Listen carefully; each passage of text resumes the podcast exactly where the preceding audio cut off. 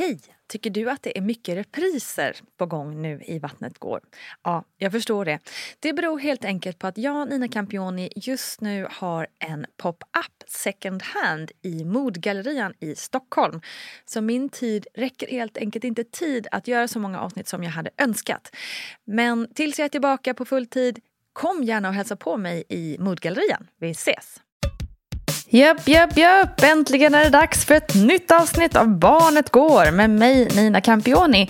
Och i Barnet Går så fokuserar vi ju på barnet och på föräldraskapet. Till skillnad från I Vattnet Går där vi mest snackar om graviditet och förlossning.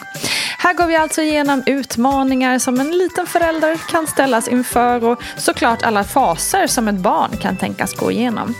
Självklart pratar vi mer om det också i mammagruppen på Facebook där föräldrar kan ställa frågor och prata med varandra om allt möjligt. Så gå dit direkt efter att du lyssnat på det här tycker jag. I veckans avsnitt möter vi Frida Trönnberg som efter en förlossningsskada fick kämpa ett helt år för att få den hjälp som hon så väl hade rätt till. Och med det blev också lidande av depression och ångest. Numera är hon yogalärare som specialiserat sig på trauma och bäckenbottsproblematik och driver Instagramkontot Helt Underliv. Du kommer också få höra hela Fridas historia i kommande avsnitt av Vattnet går. Men nu ska vi fokusera på föräldraskapet. Och en annan sak som blev lidande på grund av att Frida inte fick den hjälp som hon behövde är anknytningen. Och det ska vi säga att det är många som upplever problematik kring. Så nu är det hög tid att vi fokuserar på det en liten stund.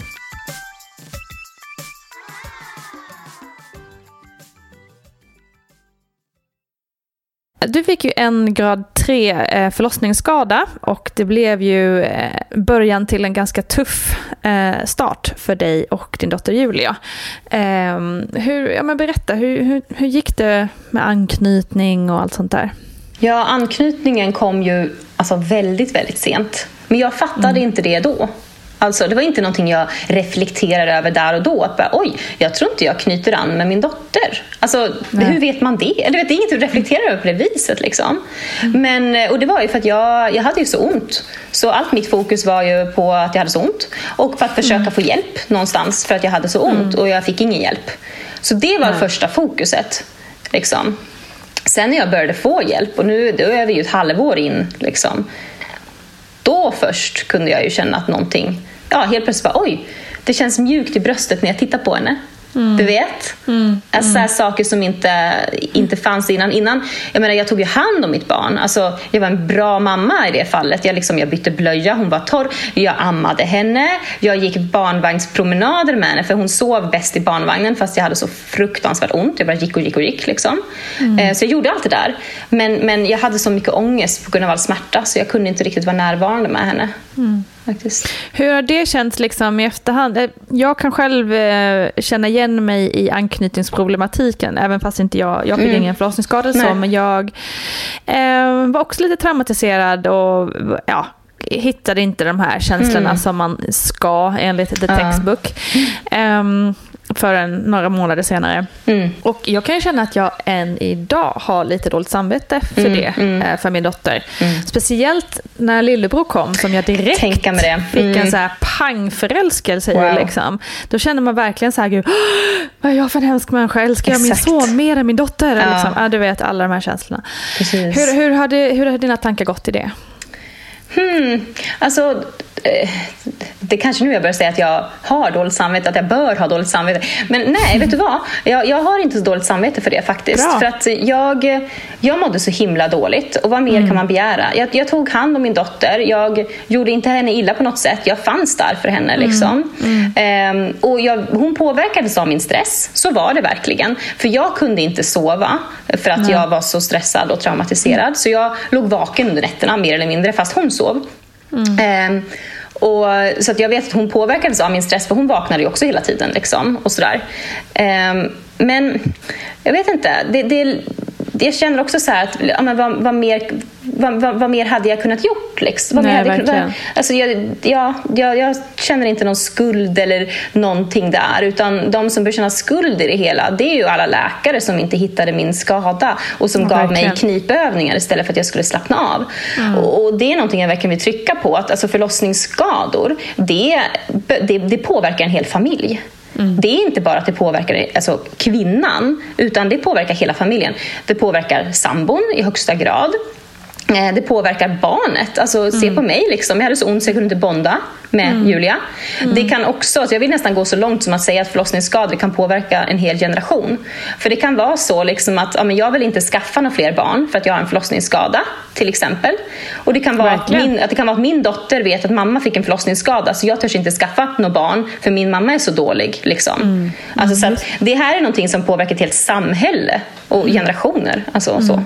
Men det får, all, det får ju verkligen aldrig den eh, statusen, eller man ska säga, Nej, inom, nej. inom eh, läkarvården. Absolut inte. Det är ju en otrolig normalisering av skador också. Att det är normalt, och, eller så det är normalt att läcka urin, det är normalt att ha ont, det är normalt att det är ont vid sex. Och det, är så mycket, det är normalt. Jag läste senast bara liksom, i någon Facebookgrupp att de, barnmorskan säger att det är normalt liksom, att man, man bajsar och man måste stoppa in eh, tummen i slidan, tumtricket, för att trycka ut avföringen. Alltså så här, liksom, va? Fan. What? Så jävla dumheter liksom. Ja, så det är sån där grej som normalisering liksom, som gör Ja, att jag, verkligen. jag tror det. Men, ja. Men du, hur har du upplevt det? Liksom, tycker du att man kan ta igen så här, förlorad anknytningstid, om man nu kan säga så? Ja, alltså, både så här, ja och nej. Alltså, jag har ju inte fått uppleva Julias liksom, det här, att njuta av spädbarnstiden, alltså det första halvåret. Det har jag ju inte liksom fått ta igen. Men jag tyckte min mamma sa det så mycket, sa det så bra. För jag, jag kommer ihåg att jag, att jag sa det någon gång liksom, för kanske något halvår sedan bara att "Ja, jag missar ju hela det här första halvåret. Och mamma bara, ja men allvarligt, hur roligt är det egentligen? liksom. Det är inte så mycket interaktion ändå med barnet Nej. då. Liksom. Så att hon avdramatiserade det genom att säga så. Och jag håller med henne. Jag menar, det, det, ja, det är ju nu, alltså nu är hon två år, hon pratar på, pladdrar på och vi har så kul tillsammans. Liksom. Så att jag känner verkligen att visst, okej, jag, jag missar första halvåret. Att jag tar igen det nu, ja det, det borde man väl kunna säga. Men jag har fortfarande missat spädbarnstiden med henne. Jag har njöt ju aldrig av att amma. Jag Nej, trodde jag skulle göra det, att sitta och mysa och så här. Liksom. Eh, och, och, och sådär. Men eh, jag tänker också alltså, gällande anknytning och sånt, det är ju någonting vi har fått hjälp med också. Otroligt bra. Jag har varit På vilket s- sätt då? På en speciell så här, spädbarnsverksamhet eh, som jag varit på som finns i Linköping. Eh, som är för, som heter Hagadal. Det finns på lite olika platser i Sverige sådana här spädbarnsverksamheter. Och det är då för, eh, för föräldrar eh, som har det lite svårt. Och barnet är, barnet är under ett år. Okej. Eh, Så, och då, på den alltså spädbarnsverksamheten, dels så gick vi, vi, vi pratade med en, med en socionom, alltså det var liksom ingen terapi eller någonting, men vi hade med oss Julia och så min sambo då, och bara pratade om typ rutiner, liksom, man lekte lite grann med barnet och så. Men det som var ovärderligt, det var att få gå på träffar med andra föräldrar som också hade det tufft. Och också hade barn som var under ett år. Ehm, Det, det, var, det var verkligen helt fantastiskt att träffa andra. Liksom, för jag hade väldigt svårt att, att träffa ja, men mammor som var så, de var så glada och sprudlande och checka och allt var så bra. såklart. Liksom. Jag vet inte om det var, det kanske var det, jättekul för dem, men så var det inte det och de satte på liksom en mask sådär. Men, men det var väldigt skönt och väldigt avslappnande att få landa tillsammans med andra mammor och också pappor eh, som hade det svårt på olika sätt. Det förstår jag verkligen. Där. Ehm, och så. Det är väldigt lätt i den här situationen att tro att det bara är jag. Att det, Ja. mig det är fel på eller det är bara jag som eh, liksom struggle i det här. Mm. Ja. Alla andra har så naturligt mammaskap eller vad det nu kan vara. Precis. Så det vi fick jobba på då, det var jättemycket sånger, det var liksom vi skulle titta på bebisen och liksom så här. Alltså jobba med anknytning liksom. Att här tittar barnet, titta på dig, barnet söker kontakt, söker du kontakt med barnet? Jag upplevde väl att jag aldrig hade något problem att se hennes, liksom, hennes tecken på vad hon ville. Det, det upplevde jag aldrig någonsin. Eh, För framförallt när smärtan försvann så, så, så ja, då, då, då kunde jag fokusera mer på, på Julia också. Liksom. Men det var ändå så fint. Och sen så var det, det var fika, det var liksom varje onsdag på morgonen och de dukade upp. Och det var som så här, liksom, tillflyktsplats, en oas, du vet. Man kan landa och liksom bara umgås med likasinnande. Så det låter bra. fantastiskt. Jag har aldrig talat ja, om faktiskt. Paradiset, paradiset. Nej, det, var, det var, hjälpte mig jättemycket. Ja. Faktiskt. Mm. Ibland så är det ju sådär, man blir, gud, vissa saker blir man såhär, wow, det är fantastiskt i Sverige vad det finns för grejer, finns för hjälp. Liksom. Ja. Och så å andra sidan blir man förskräckt när man hör liksom, ja. hela din berättelse med, med din upplevelse med förlossningsskadan. Ja. Jag tror att det är liksom att det, det, att det är viktigt att man som mamma tar hand om sig själv mm. lite först och främst. Mm. Du vet? Mm. Att för just Verkligen. att när jag väl gjorde det, eller när jag väl fick den hjälpen, då kunde jag ju bonda med min dotter. Så mm. rotorsaken var inte anknytningsproblematik och hade aldrig varit. Rotorsaken var fruktansvärd smärta på grund av mm. förlossningsskada. Mm. Och överspändhet då, som det hade lett till. Ja. Så att, eh, ja, mer fokus på mamman överhuvudtaget. Tänk att det är så mycket fokus. Alltså, det är lite så här, du vet, under graviditeten då känns det som att man har jättemycket fokus på en själv. Man äter ja, och är, du vet, man går på MBC och sådär. Mm. Och sen helt plötsligt bara, jaha, efterkontroll, det var ett besök, allt ser bra ut. Då fortsätter BVC hela tiden. Och, alltså, missförstå mig rätt, jag vill ju självklart inte att vi drar in BVC-tiderna, det är jättebra. Men, men det är liksom mer fokus på mamman. Alltså, i, I Frankrike, då får de tio besök hos osteopat eller sjukgymnast betalat, alltså efter förlossningen. Alla kvinnor, betalat mm. av staten. Wow.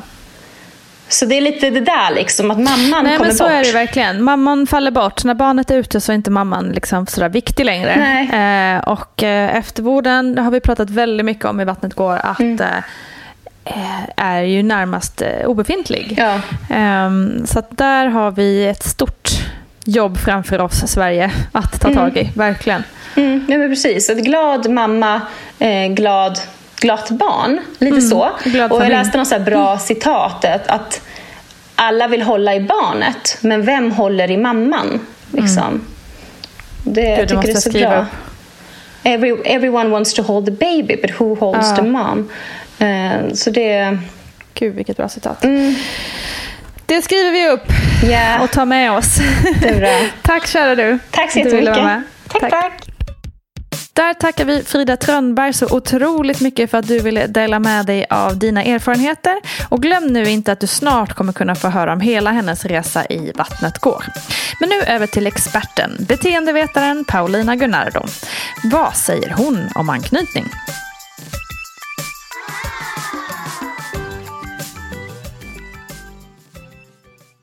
Hur vet man att man knyter an egentligen till sitt barn? Ja, eh, anknytningen är ju en process som pågår liksom över tid då man märker att ett, ett starkt psykologiskt band liksom växer fram. Och Det mm. handlar ju om att, att barnet blir säker på att det är någon som, som finns där, som ställer upp och som skyddar. Det finns ett sånt här nära samspel som gör att, att bebisen och barnet får en visshet. Liksom. Mm. Eh, och förväntan på att det alltid finns någon där. Och liksom ett sätt att se att ett barn har knutit an, då kan man tänka på trygghetscirkeln. Okay. Eh, om man tänker sig en cirkel och så börjar man i botten. Och där kan man kalla det för att det finns en trygg bas. Där du som förälder, eller det man kallar för anknytningsperson, då, finns som en trygg bas för ditt barn. Där ditt barn är liksom, känner sig trygg. Eh, och när man är trygg, då vågar man också sticka iväg och utforska världen och sig själv. Mm. Och så fort barnet börjar krypa eller gå då, då är ju liksom tanken att den ska sticka iväg och, och testa sin egen kompetens och träffa kompisar och eh, utforska omvärlden helt enkelt. Och det kan ju vara att bebisen kryper in i rummet bredvid eller att barnet springer iväg i, i lekparken och sticker till sandlådan för att morsa mm. på en kompis. Men, och då kan man tänka sig då att då sticker det här barnet iväg på den här cirkeln. Och så är den liksom längst upp på cirkeln och där så händer det grejer. Det händer bra grejer. Men rätt vad det är så händer också något som är läskigt. Är den här lilla bebisen i rummet bredvid, då kan mm. det räcka med att den just inte ser dig. Och mm. den blir jätterädd. Och den måste signalera och ta sig tillbaka till dig. Eh, så att den liksom fortsätter på cirkeln ner till eh, det som kallas för en säker hamn. Mm. Där man får återvända, man får liksom, det är någon som ser en och det är någon som hör en. Och tar hand om liksom, ens känslor. Eh, och det kan ju vara det här barnet då som är ute i lekparken och har stuckit till sandlådan för att morsa på en kompis. Och så kommer en läskig hund. Och det här barnet har aldrig sett en sån här hund förut. Och hunden blir jätteglad för den älskar barn och den börjar skälla. Och det är mm. superläskigt. Och då vill barnet liksom springa tillbaka till dig. Mm. Till den här säkra hamnen. Och där kan man då som förälder liksom bekräfta barnets känslor i det. Och till exempel säga, var det läskigt med hunden? Och, Men du, ska vi gå fram och titta? Och då kan man hjälpa barnet vidare på den här trygghetscirkeln. Och ta barnet i handen och, och titta på det som var lite läskigt. Um, mm. Så, så att man vågar liksom sticka iväg och utforska. Och det här att barnet har en sån här trygg bas att utgå ifrån. Att den alltid är viss om att det finns trygghet. Jag, jag kan vara säker. Det finns någon som ser mig, någon som hör mig. Någon som alltid tar hand om mig. Och att det finns någon att komma tillbaka till när någonting är jobbigt. Mm. Det är liksom det är som en prototyp för anknytningen. Okay. Eh, så då kan man se liksom att det här har hänt. Och mm. eh, Grunden läggs ju redan när de är pyttesmå. Mm. Det sätter igång liksom redan från början när de eh, har kommit ut. Eh, och då, då signalerar ju barnet om den har något slags behov. Typ, den vaknar i sängen, den är övergiven. Och en bebis föds fullständigt hjälplös. Och för den är det ju liksom ett hot mot ens överlevnad. Mm. Att den ligger där själv. Eller att det kan vara att blöjan är kladdig och blöt. Och bebisen kan ju inte byta den själv. Och, mm. eh, eller att den är kall eller någonting annat. Och då så, så när man som förälder då är lyhörd för barnets signaler och svarar på dem och tar hand om den så, så kommer barnet med tiden att, att eh, liksom veta om att hjälp finns att få. Och det här är ju, liksom, det lägger ju grunden Dels för när barnet blir lite äldre men det kan man ju också märka på sig själv som vuxen. Eh, och det här, den här grunden som läggs den gäller även i vuxenlivet. Hur vi liksom ser på oss själva, att vi är värdefulla. Är det värt mm. att uttrycka känslor? Tror jag att det är någon som kommer att lyssna på mig? Är det lönt att jag säger hur jag mår? Kommer jag få mm. hjälp? Eller att man är trygg i en relation. Liksom. Mm. Så. Så att eh, hur man vet att man knyter an, det tänker jag man ska tänka på den här trygghetscirkeln. Mm. Hur barnet utgår från dig, är trygg med dig, sticker iväg, utforskar. Eh, utforskar sig själv, relationer och har liksom eh, förmåga, liksom, eller tro på att den kan komma tillbaka till dig. Så. Just det. Mm.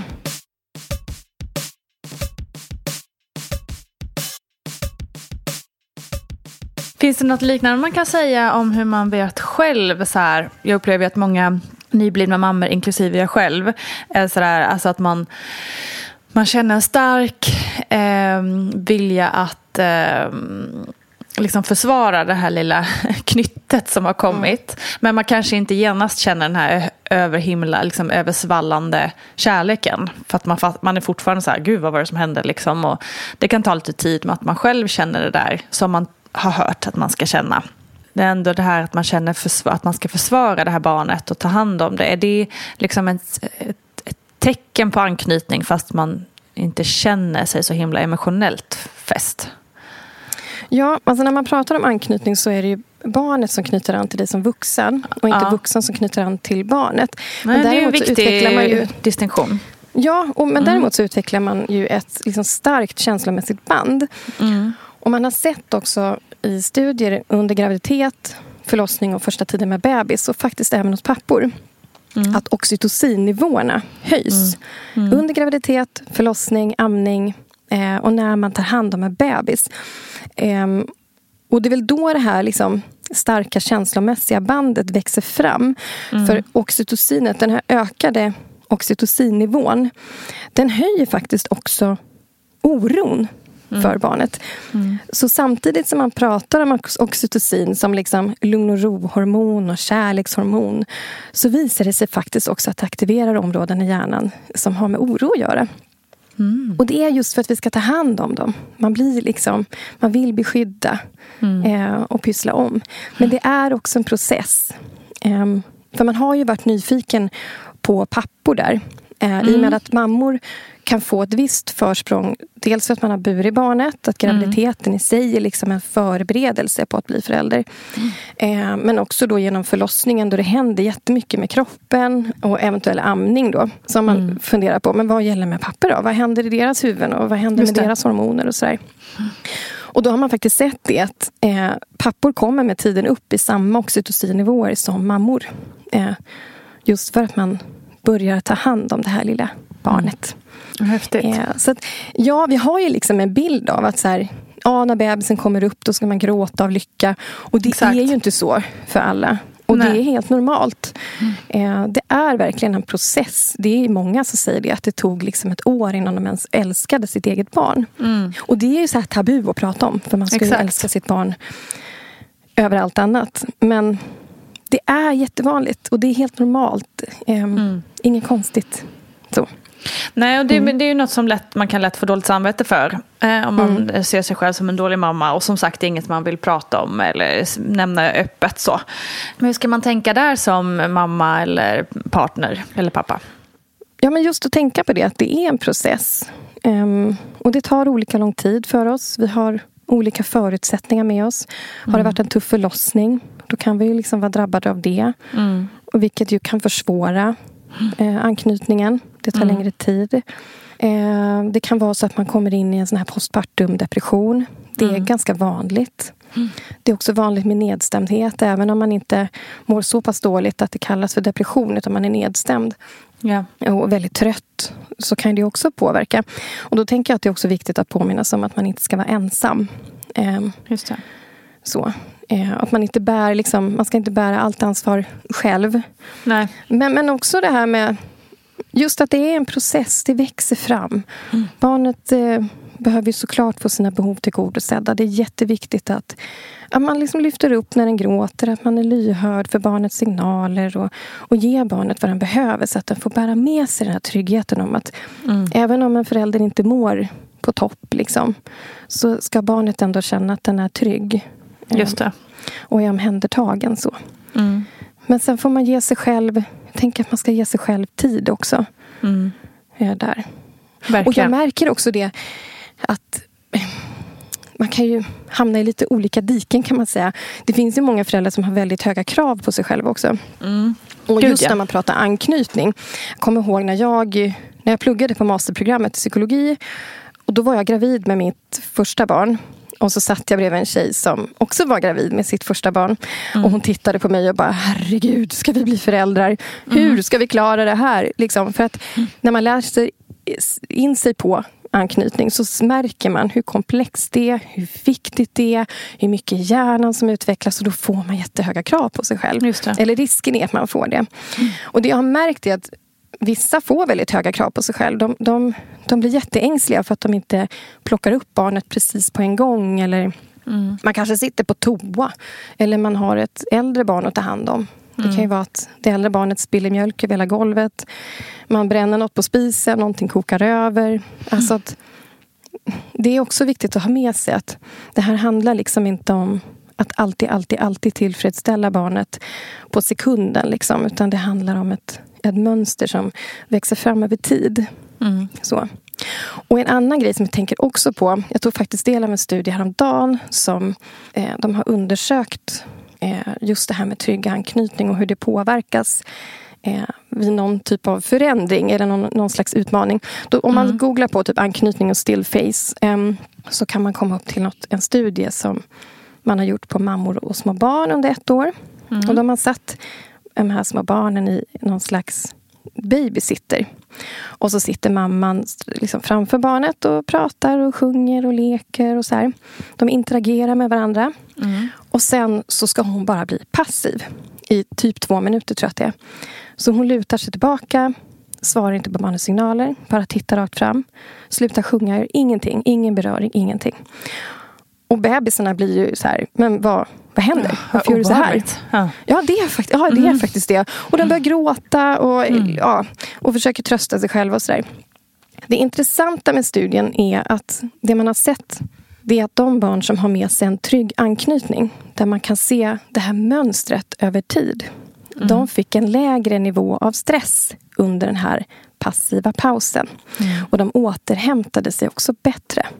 Så så länge man liksom ger barnet vad den behöver, allt som oftast, så länge barnet får med sig en visshet om att du finns där för mig, då kommer det också kunna finnas stunder eller perioder då man kanske inte svarar lika Ja. bra på barnets signaler. Men man behöver liksom inte få dåligt samvete och tro att man har skadat det. anknytningen. För riktigt så skört är det liksom inte.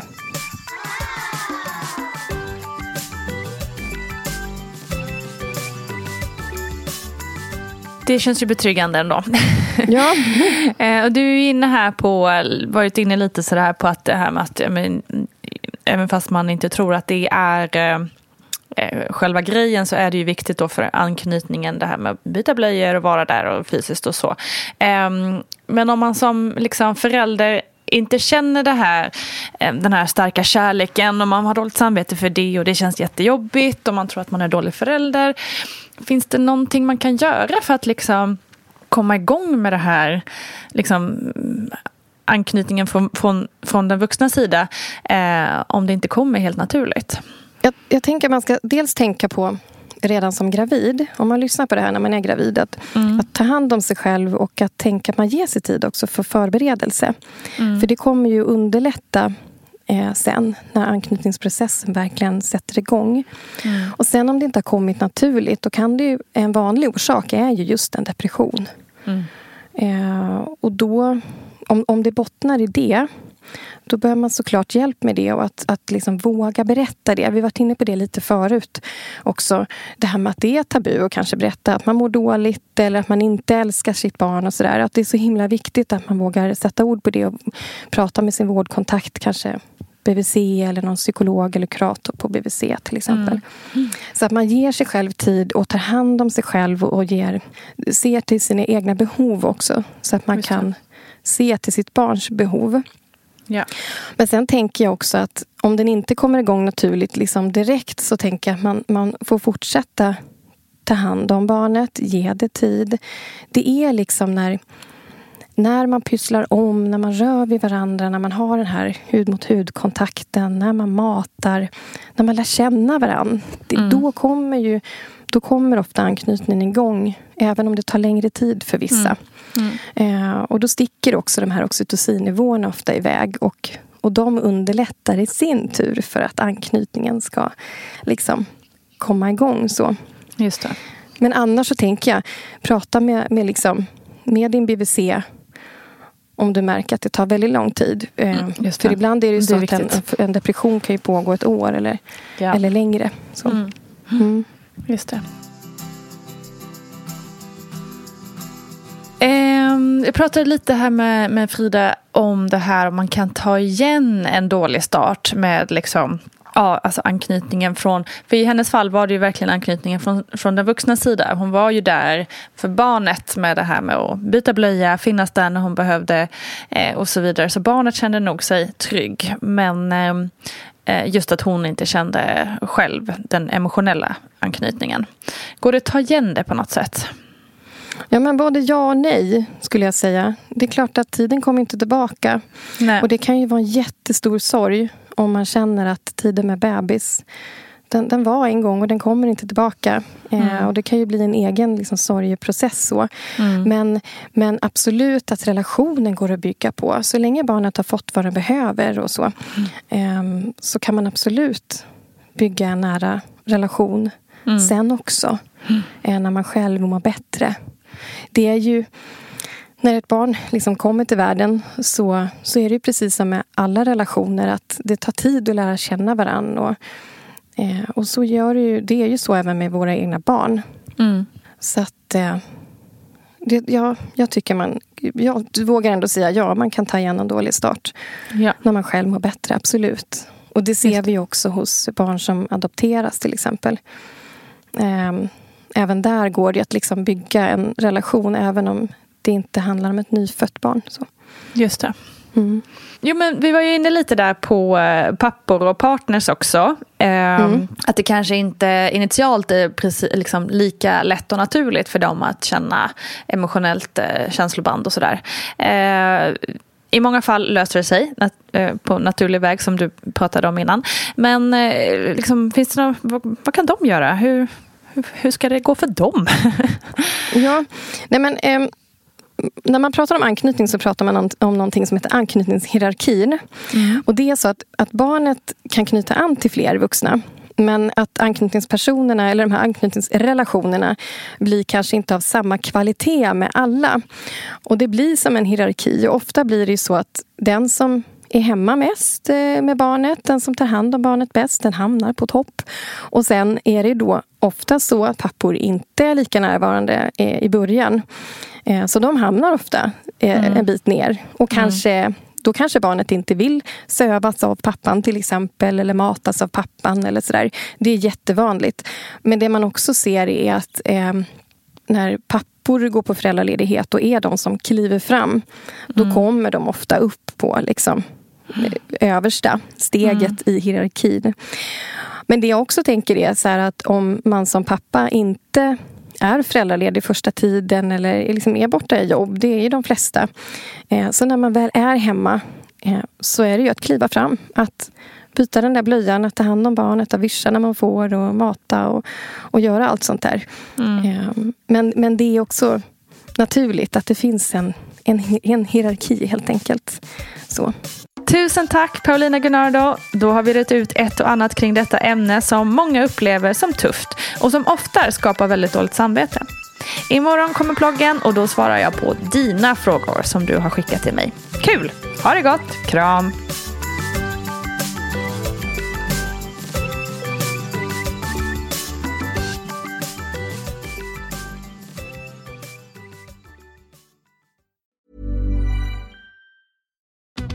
Us today during the Jeep Celebration event. Right now, get 20% below MSRP for an average of 15178 under MSRP on the purchase of a 2023 Jeep Grand Cherokee Overland 4xE or Summit 4xE. Not compatible with lease offers or with any other consumer incentive offers. 15,178 average based on 20% below average MSRP from all 2023 Grand Cherokee Overland 4xE and Summit 4xE models in dealer stock. Residency restrictions apply. Take retail delivery from dealer stock by 4 1. Jeep is a registered trademark.